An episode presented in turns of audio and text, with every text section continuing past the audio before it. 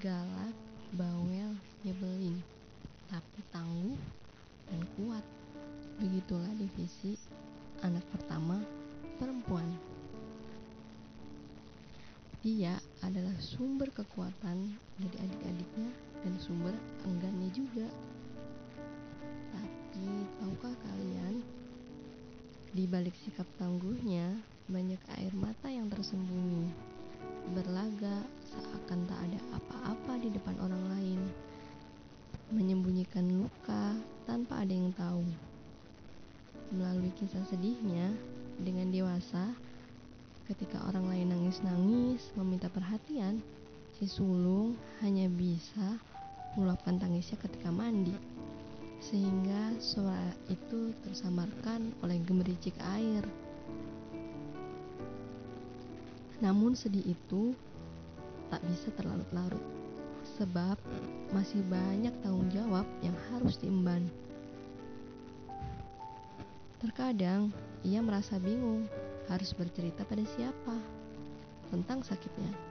Kalau ke orang tua, dikira menambah beban, padahal cuma pengen ada yang dengerin. Ke adik, nanti dianggap belum dewasa.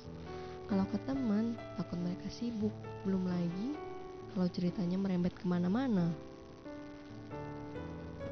Namun, sulung tak membuat situasi menjadi drama dan bisa mengambil hikmah dengan baik. Mereka, anak pertama, perempuan pula, namun tetap diberi banyak ekspektasi dan harapan dari orang tua.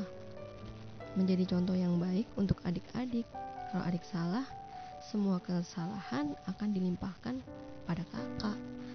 Sedang sifat perempuan yang alami adalah perasa. Bagaimana dia bisa sekuat itu? Ah, itu mah orang tuanya yang berlebihan. No, no, no, no, no, no.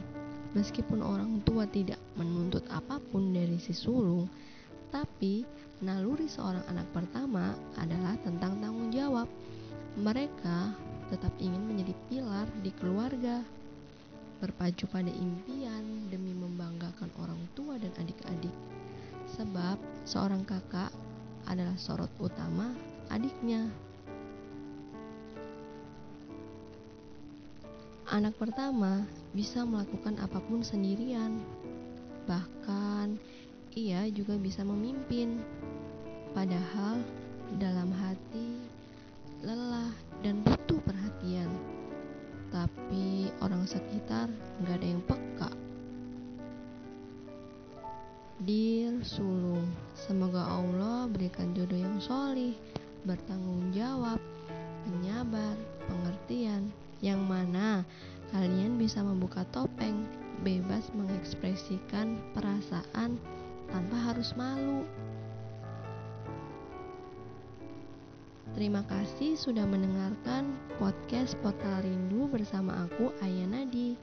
Sampai ketemu di podcast selanjutnya.